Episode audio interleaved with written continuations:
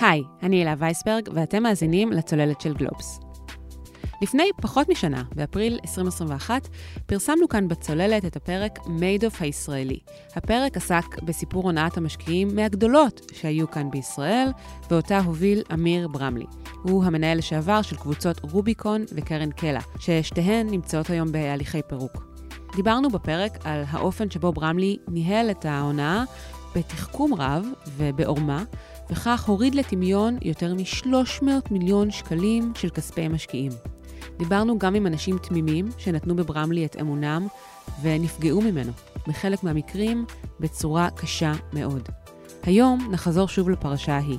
נשמיע לכם בשנית את פרק 96, שמגולל את פרטיה, ולאחריו נדבר עם כתבת המשפט של גלובס, שסיקרה ועקבה אחרי הפרשה לכל אורך השנה החולפת, ניצן שפיר. נשמע ממנה מה קרה לברמלי ולנפגעי הפרשה בשנה האחרונה. האזנה נעימה. אחת לשנה או שנתיים עולה לכותרות הונאה של אחד מבתי ההשקעות הפיקטיביים או של נוכל, גם בארץ וגם אה, בחו"ל. אני ארצה לתת מספר טיפים כיצד ניתן להימנע מנוכלויות אה, מהסוג הזה. האדם ששמעתם עכשיו, זה שמזהיר אתכם מפני נוכלויות בשוק ההון, הוא אמיר ברמלי, בסרטון מ-2012. אז איך להיזהר מנוכלים? כלל ראשון, לא לקבל עצות מנוכל. במשך ארבע שנים הפיל ברמלי ברשתו 550 משקיעים תמימים והוריד לטמיון כ-340 מיליון שקל. זו אחת מפרשיות המרמה החמורות ביותר שהיו אי פעם בישראל. הונאה מהסוג שמכונה הונאת פונזי. זה בדיוק סוג ההונאה שלפני יותר מעשור הכניסה לכלא ל-150 שנה את ברני מיידוף האמריקאי, אולי גדול הנוכלים בהיסטוריה. לפני כחודשיים ברמלי הורשע בבית המשפט המחוזי בתל אביב, והוכנס לבית הסוהר לעשר שנים. לכאורה, הפרשה הסתיימה, אבל לא לגמרי. ברמלי מתכנן להגיש ערעור על הכרעת הדין, וגם הפרקליטות החליטה אתמול לערער על העונש. ובעיקר, הפרשה מותירה לא מעט שאלות פתוחות.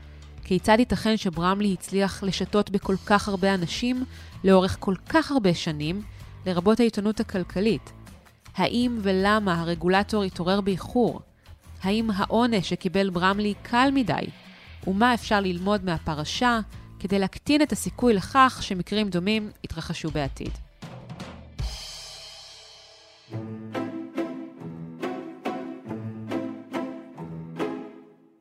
לפני שנבין את השיטה של אמיר ברמלי, ספרי לנו קצת על אמיר ברמלי האדם. אמיר הוא בן 44 היום. הוא נשוי, יש לו ארבעה ילדים, קטן בן שמונה והגדול בן 16. הוא גדל בעכו. אימא שלו, הנט, היא פנסיונרית היום של משרד החינוך.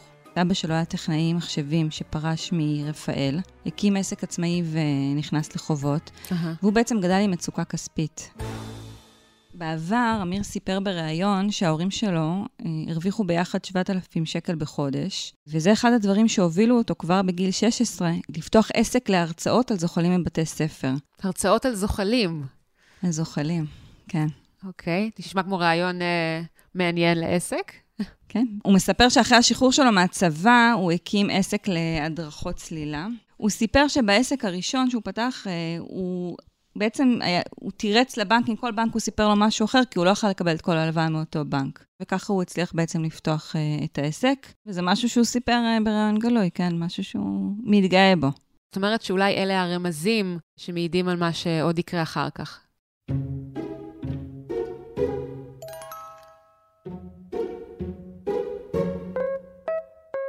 וברמלי בעצם פועל כאיש עסקים, כמשקיע לגיטימי בעשור השני של שנות האלפיים, גם העיתונות הכלכלית מחבקת אותו. מה ידוע על קבוצת ההשקעות שהקים?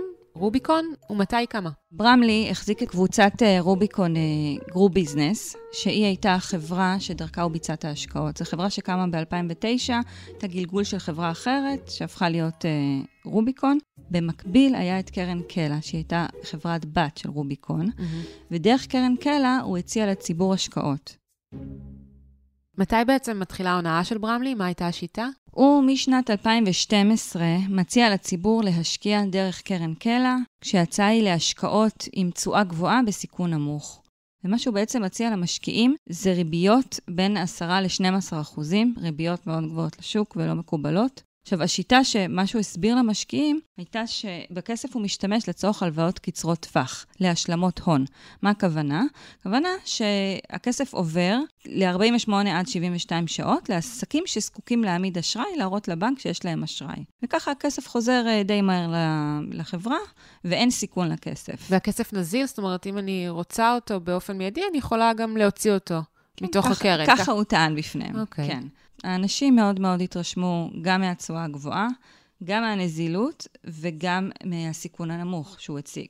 מי שהשקיע קיבל חוברת שהסבירה על אופן ההשקעה, עם נתונים, כמה השלמות הון הקרן ביצעה, נתונים שבדיעבד התבררו כלא נכונים, mm-hmm. כמה, כל שנה כמה הקרן ביצעה, mm-hmm. אבל הסתבר בדיעבד שהכל uh, מומצא. אז למעשה אנחנו מקבילים בין ברמלי לברני מיידוף, מכיוון שבשני המקרים מדובר היה בהונאת פונזי. שידועה גם בשם הונאת פירמידה. כלומר, משלמים את התשואות למשקיעים מהכסף של המשקיעים החדשים, ולא מכך שההשקעות באמת מניבות תשואה. אז מה ידוע באמת על מה שברמלי עשה עם הכסף, על השיטה שלו? זה בדיוק מה שברמלי עשה. הוא לקח את הכספים של המשקיעים, mm-hmm. ואת הריביות שהוא שילם להם כל חודש, כמו שעון, ריביות מאוד גבוהות, mm-hmm. הוא שילם מתוך הכספים של המשקיעים עצמם, ולא מתוך הרווחים.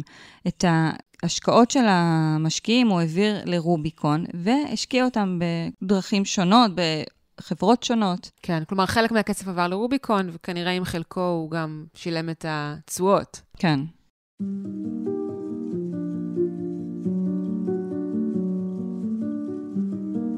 מאות משקיעים נשבו בקסמו של ברמלי ושמו בקרן קלע את מיטב כספם.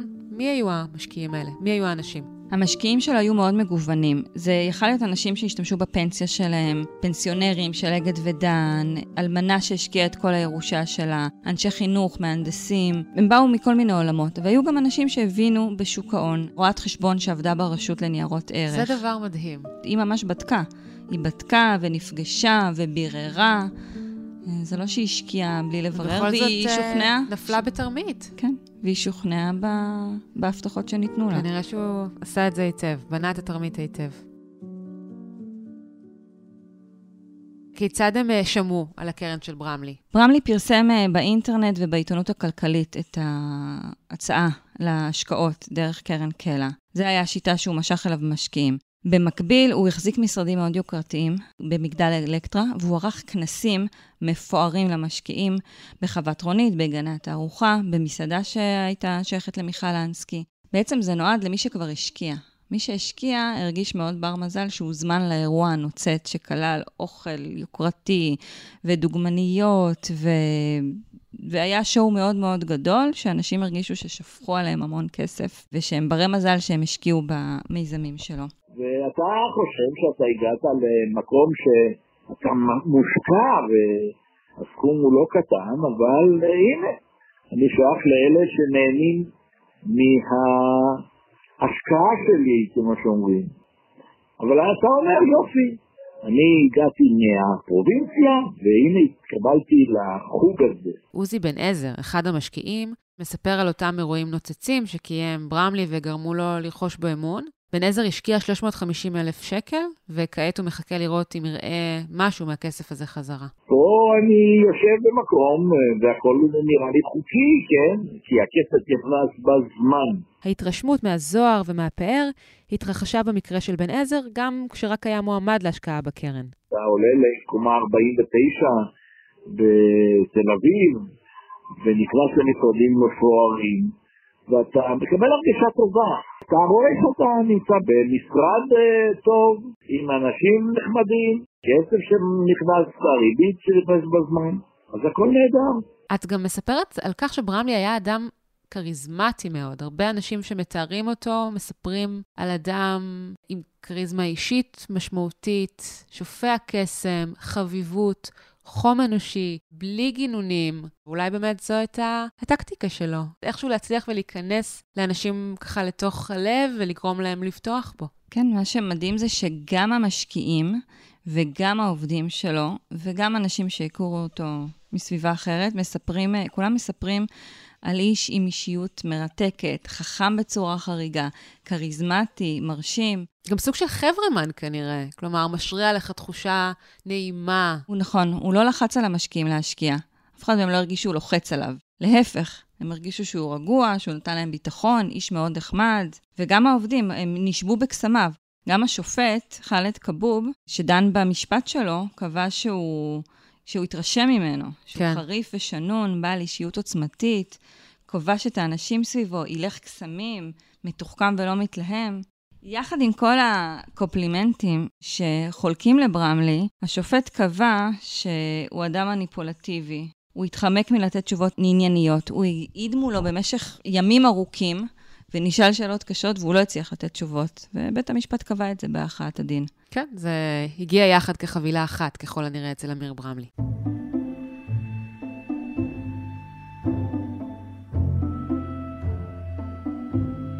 וגם העיתונות הכלכלית מעלה את ברמלי על נס באותן שנים. אנחנו מדברות גם על דה מרקר, גם על כלכליסט, גם על גלובס. בעצם שלושת העיתונים מציגים את ברמלי כסופרסטאר פיננסי. ב-2013 כלכליסט כתבו על ברמלי שהפך השקעה של 2 מיליון שקל לאקזיט של 30 מיליון שקל בארבע שנים. כעבור שנה בדה מרקר נכתב שיש משהו מעורר השראה בברמלי, ובגלובס, שהיה אז תחת בעלות אחרת, מספר ברמלי ב-2015, האמירות שלפיהן נעשה שימוש בכספי המשקיעים בקלע שלא למטרות המקוריות הן הבל הבלים.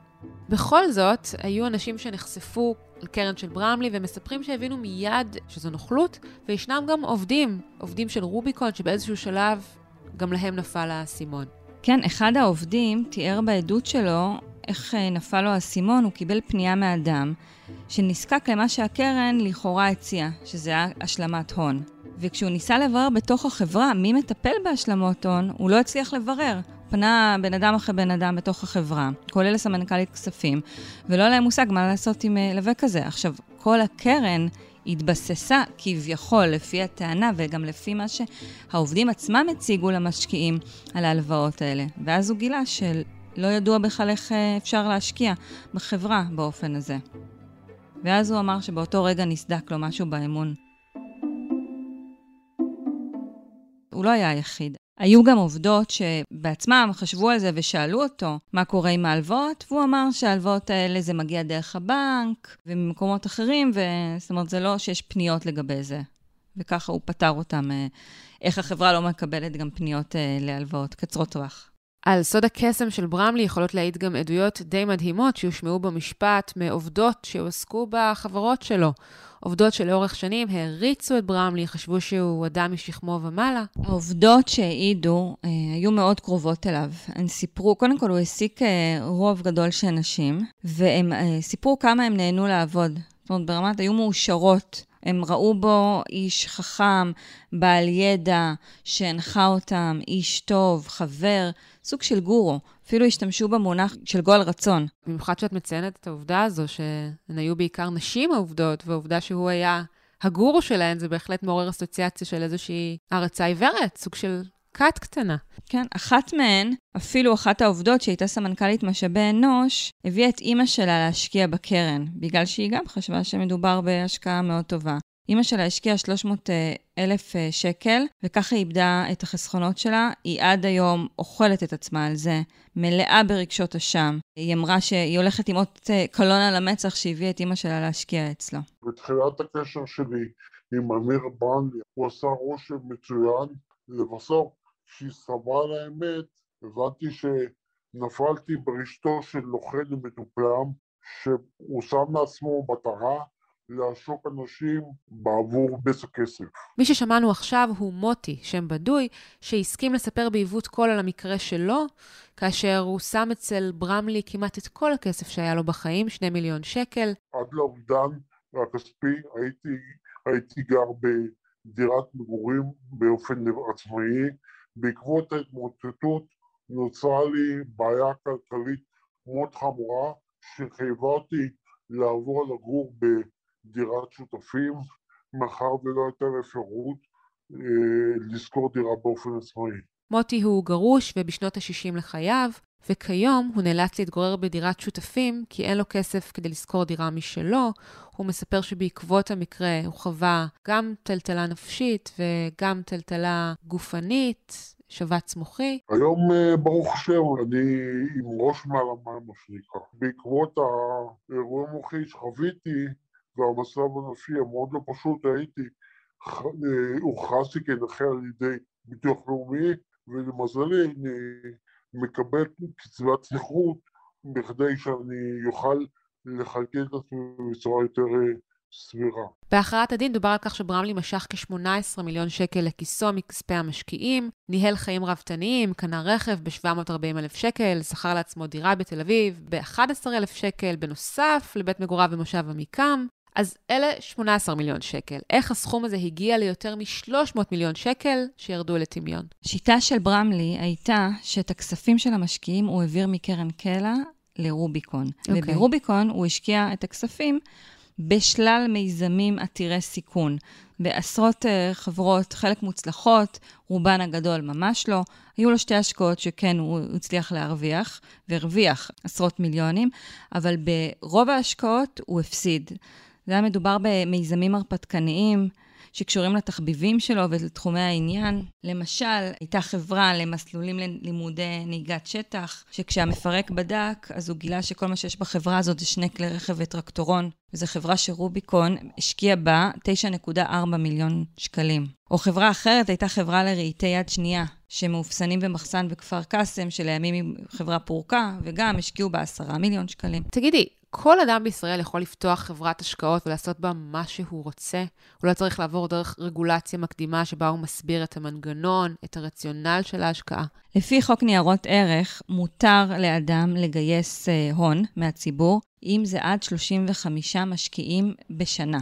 כלומר, אם זה מעל 35 משקיעים, כן. הוא חייב להוציא תשקיף שיאושר על ידי הרשות לניירות ערך. והוצאת תשקיף דורשת שקיפות, אה, לפרט את המטרות ולהציג אה, נתונים, mm-hmm. אה, וברמלי מאוד מאוד נמנע מזה. הוא גם פיצל את הקרן בעצם לכמה מסלולי השקעות, ואז הוא טען שהוא עומד בחוק, כי הוא פיצל את זה, זה לא עומד בחוק. אבל הוא הצליח לחמוק בעצם מהנדרש ממנו.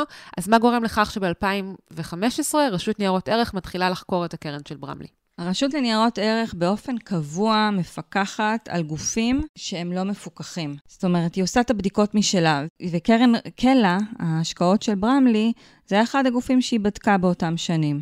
פנו אליו, ביקשו מסמכים, והוא סיפק להם מסמכים שלימים התברר שהם מזויפים, והוא גם הורשע על אותו מידע שהוא העביר לרשות לניירות ערך. עכשיו, הם, זה קנה לו זמן, כי בזמן הזה, עד שזה התברר שזה מזויף, אז הוא המשיך אה, לקבל השקעות ולפעול. אבל במקביל היה מידע מודיעיני, וזה הוביל לפתיחת החקירה נגדו. משהו מהכסף הזה שהמשקיעים האלה שמו אצל ברמלי, הם יראו בחזרה?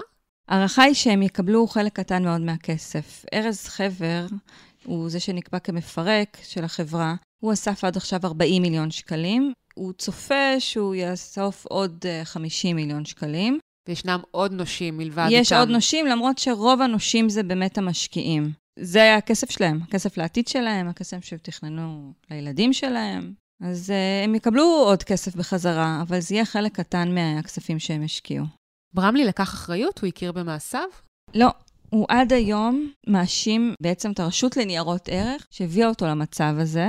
הוא מבחינתו חושב שאם לא היו עוצרים אותו, הוא היה יכול להמשיך ולהשקיע ולהביא רווחים לאותם משקיעים. זאת אומרת, הוא חושב שהבעיה היא בהתערבות של הרשויות, ברשות לניירות ערך, בפירוק של החברה, שעצרו את ההשקעות. הוא גם לא מסכים לקביעה של בית משפט שאסור היה לו להשקיע את הכספים האלה במקומות אחרים, שבעצם הוא גנב את הכסף מקרן קלע והעביר לרוביקון, כי לעמדתו הוא לא התחייב ספציפית להשקיע בהשלמות הון, אלא יכל לעשות את זה בעוד דרכים. זה גם מה שהוא עומד לטעון בערעור שהוא יגיש השבוע לבית המשפט. הוא מרגיש שהוא קורבן, הוא כן מביע צער על הנזק שנגרם uh, למשקיעים. קשה לו עם הנזק שנגרם, אבל הוא לא תולה את זה בעצמו.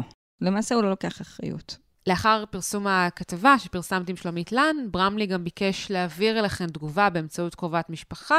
צר לי מאוד על הנזקים שנגרמו לסובבים אותי כתוצאה מהעימות עם הרשות לניירות ערך. רבים שילמו ומשלמים מחיר כבד, ביניהם משפחה, חברים, לקוחות ואחרים. עשיתי טעויות עסקיות, אך הן רחוקות מאוד מהטענות והפרסומים. אין בפי מילים לתאר את הגיהנום הכרוך בהליך מסוג זה מול הרשות לניירות ערך, ועל אחת כמה וכמה גזר הדין הקשה והקיצוני. עורכי דיני ואנוכי שוקלים את צעדינו הלאה. כאמור, כפי שאמרת, מבחינתו הוא ביצע טעויות עסקיות, לא יותר מזה. ניצן, את אומרת שלדעתך העונש שנגזר על ברמלי, עשר שנות מאסר וקנס כספי של 400 אלף שקל, הוא עונש נמוך מדי. תראי, עשר שנות מאסר, אבסולוטית, זה עונש קשה.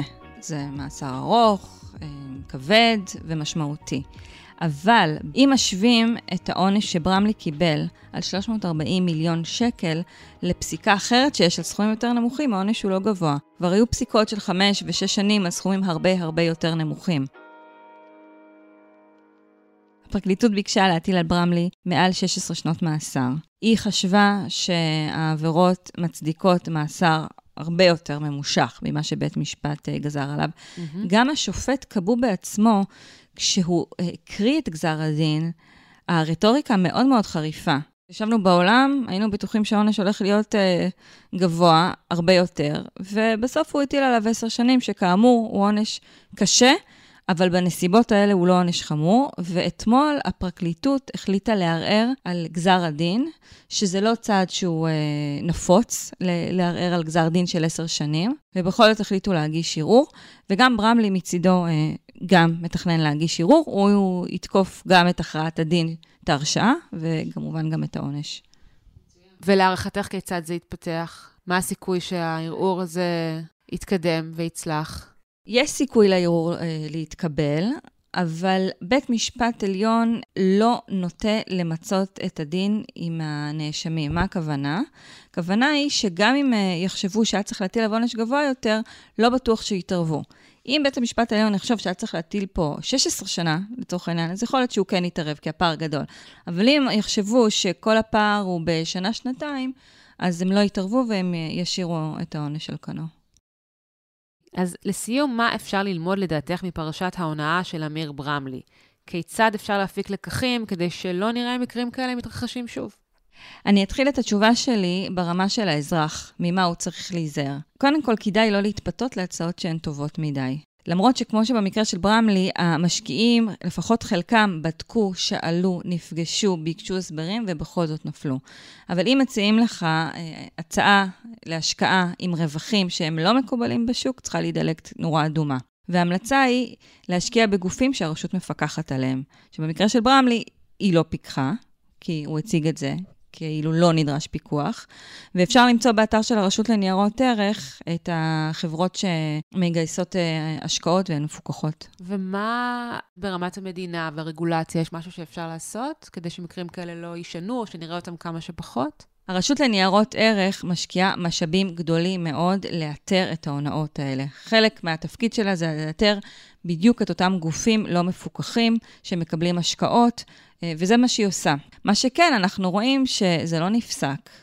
השבוע אה, פרסמנו שנפתחה חקירה ברשות לניירות ערך נגד אה, משקיע אחר שגם קיבל עשרות מיליונים, ויש חקירה נגדו בדיוק על מצב דומה. של, שלקח כספים ממשקיעים והשקיע אותם באופן אחר. אז ניצן, עכשיו אנחנו מעדכנות את מה שהתרחש בפרשת אה, אמיר ברמלי בעוד מעט שנה שעברה מאז שנפגשנו ודיברנו עליו בפעם הקודמת. היי לה. כן, היו uh, הרבה עניינים מאז uh, שהקלטנו את הפודקאסט. לא משעמם עם אמיר ברמלי. לא, לא משעמם, כל הזמן מתגלים דברים חדשים. אוקיי. Okay. קודם כל, נעדכן לגבי הערעורים. הוא הגיש ערעור בינואר 21, בית המשפט העליון ישמע את הערעור רק בספטמבר 22. על מה הוא ערער? הוא ערער על עצם ההרשעה, טוען שהוא חף מפשע, והוא גם טוען שהעונש גבוה מדי. פרקליטות מצידה גם הגישה ערעור על זה שהעונש קל מדי. אה, בית המשפט אה, יחליט. אני מעריכה שבית המשפט העליון לא יתערב בעונש. לא יקבל את הערעור של הפרקליטות ולא יקבל את הערעור של ברמלי. זו הערכה שלי. זאת אומרת, העונש להערכתך יישאר על כנו. כן. ויש עוד חקירה שמתנהלת בעניינו של ברמלי, מה קורה שם? זה תיק נוסף, שהוא תיק גם על הונאת משקיעים, שהוא על פי החשד אה, ביצע אותו בזמן שהוא ניהל את המשפט הגדול, עליו הוא עכשיו מרצה את המאסר. באוקטובר 21 הרשות לניירות ערך סיימה את החקירה והעבירה את התיק לפרקליטות. הפרקליטות עדיין לא קיבלה החלטה. הסיפור שם זה גם הונאה של משקיעים בעשרות מיליוני שקלים שקשורה לחברה בשם אולרנט. אה, זו חקירה, כאמור, נפתחה בזמן שהוא ניהל את המשפט, ואותן עבירות, זה ממש אה, עבירות של ניירות ערך. יש לו דפוס פעולה קבוע? כן. ומה צפוי לקרות שם? הכיוון זה כנראה כתב אישום, אבל עוד לא התקבלה החלטה. הוא צפוי לעוד כתב אישום, זו הערכה. זאת אומרת, יכול להיות שהוא יישב בכלא יותר מעשר שנים? יכול להיות, אבל uh, בתי משפט, הרבה פעמים יש נטייה לחפוף עונשים. ככה שגם אם הוא יקבל עוד עונש, יכולים חלק מזה לחפוף לו תקופה מסוימת. אבל כן, זה ייקח זמן, אבל יכול להיות שיהיה עונש נוסף.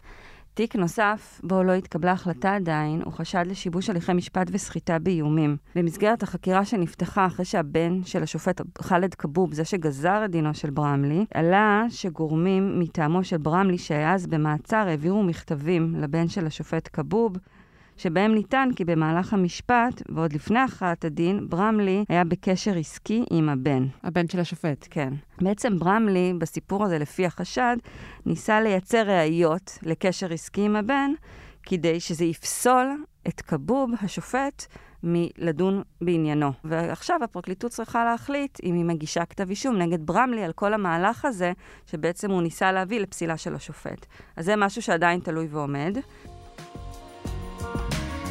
מה בנוגע להליכי הפירוק של החברות של ברמלי?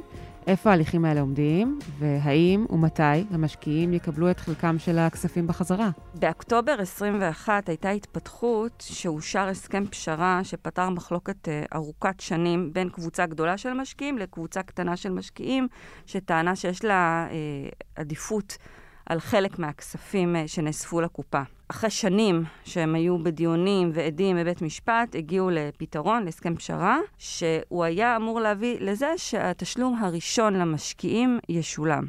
אבל בינתיים הוגש ערעור, יש סכום של גמול שקיבלו קבוצת המשקיעים הגדולה, יש על זה מחלוקת, זאת אומרת, הכונסת הרשמית הגישה ערעור. וזה קבוע למרץ 22. עד שזה לא ייפתר, לא ישלמו את הכספים. זאת אומרת, אף אחד עוד לא ראה שקל בעצם לא. ממה שהוא שם בקרנות של ברמלי. כרגע החוב למשקיעים עומד על 270 מיליון שקלים. ההערכה היא שהיקף השבת החוב למשקיעים, שהשקיעו בין מאות אלפי שקלים לכמה מיליונים, הוא יכול להגיע ל-20 אחוז, אבל זה במהלך השנים הקרובות, זה בכמה פעימות, זה בסכומים קטנים, וגם זה עדיין לא התחיל. מסכנים. ומתברר שברמלי הצליח להסתבך בעוד פרשייה, בתקופה שבה עמד למשפט, וטרם הורשע, ובפרשייה הזו מעורב מייסד קופיקס, אבי כץ. אבי כץ, יש לו קשר עם ברמלי ארוך שנים. בשנת 2009, במסגרת קרן הגשמה, שכץ היה בין המקימים שלה, ברמלי רכש מניות, שהיא הייתה בשיא והחזיק ב-14% מהמניות. השותפות שם נפסקה אחרי כמה שנים, אבל הם נשארו בקשר קרוב, והוא אפילו בא להעיד לטובתו במהלך המשפט. Hmm. ואמר עליו דברים ממש טובים. אוקיי. Okay. ביולי 21 אה, הוגשה תביעה נגד הבת של אבי כץ, יש את העסקים חגית שינובר, ובתביעה טוענת אה, חברת פרסום שהיא ייבאה לארץ 50 אלף מסכות. איך שהתחילה הקורונה, בשיא שכולם אה, חיפשו מסכות והמסכות היו מאוד מאוד יקרות. הסכום של המסכות היה חצי מיליון שקלים. והעבירה לחגית המסכות. כי ההסכם היה בין החברה לבין חגית. ההסכם היה בין בעל החברה לחגית, אבל הכסף לא שולם. החברה טענה שההזמנה בוצעה על בסיס ההיכרות עם חגית, ושהתחייבה לשלם על הזמנה. אבל חגית אמרה שהיא רק עזרה לחבר, ומי הוא אותו חבר? ברמלי, שהוא חבר שלה, ובעצם היא אומרת, הכל היה בשבילו. הוא היה אמור לשלם, ובאמת הוא גם היה בקשר מול אותו בעל חברה שהביא את המסכות לארץ. זה כמה מפתיע שאדם שהוביל אה, הונאה בהיקף של מאות מיליוני שקלים, לא שילם את הכסף שהוא הבטיח לשלם. צריך לדעת למי לעזור ולמי לא לעזור. אוקיי, ולסיום, אם כבר עסקנו במיידוף הישראלי, אי אפשר שלא להזכיר עוד מיידוף ישראלי אחד, שגם הוא הופיע בשנת 2021, שנת המיידופים אולי, ושמו מייק בן ארי. כן, מייק בן ארי בעצם לקח לברמלי את התואר של אה, הונאת המשקיעים בין הגדולות בישראל, כי ההונאה שלו היא יותר גדולה בהיקפה מבחינת המשקיעים. כרגע נראה שגם מבחינת היקף המרמה. הוא נעצר על ידי הרשות לניירות ערך באפריל 21. הוא שוחרר ועזב את הארץ, השתמש בדרכון מזויף וברח מישראל. יש uh, קרוב לאלף משקיעים שאיבדו את הכסף שלהם, הוא פעל המון שנים. וגם uh, הוביל הונאת פונזי ממש בדומה לאמיר ברמלי. כן. המרמה הייתה אחרת, המצגים היו שונים, אבל זה היה אותו דבר מבחינת השימוש בכספים. שהיו מחזירים כספים למשקיעים, זה היה מכספים של משקיעים אחרים. כן, הונאת פירמידה. וכרגע הוא uh, עדיין uh, בבריחה. מקום הימצאו לא ידוע? לא, דווקא ידוע. Mm. הוא דווקא ידוע איפה הוא נמצא, אני פרסמתי את זה גם. אז איפה הוא נמצא? הוא נמצא בבלגרד. אז למה לא מסגירים אותו? זו שאלה טובה. עובדים על זה, אבל זה עדיין, uh, עדיין לא קרה. אבל הוא אמור להיות מוסגר לארץ.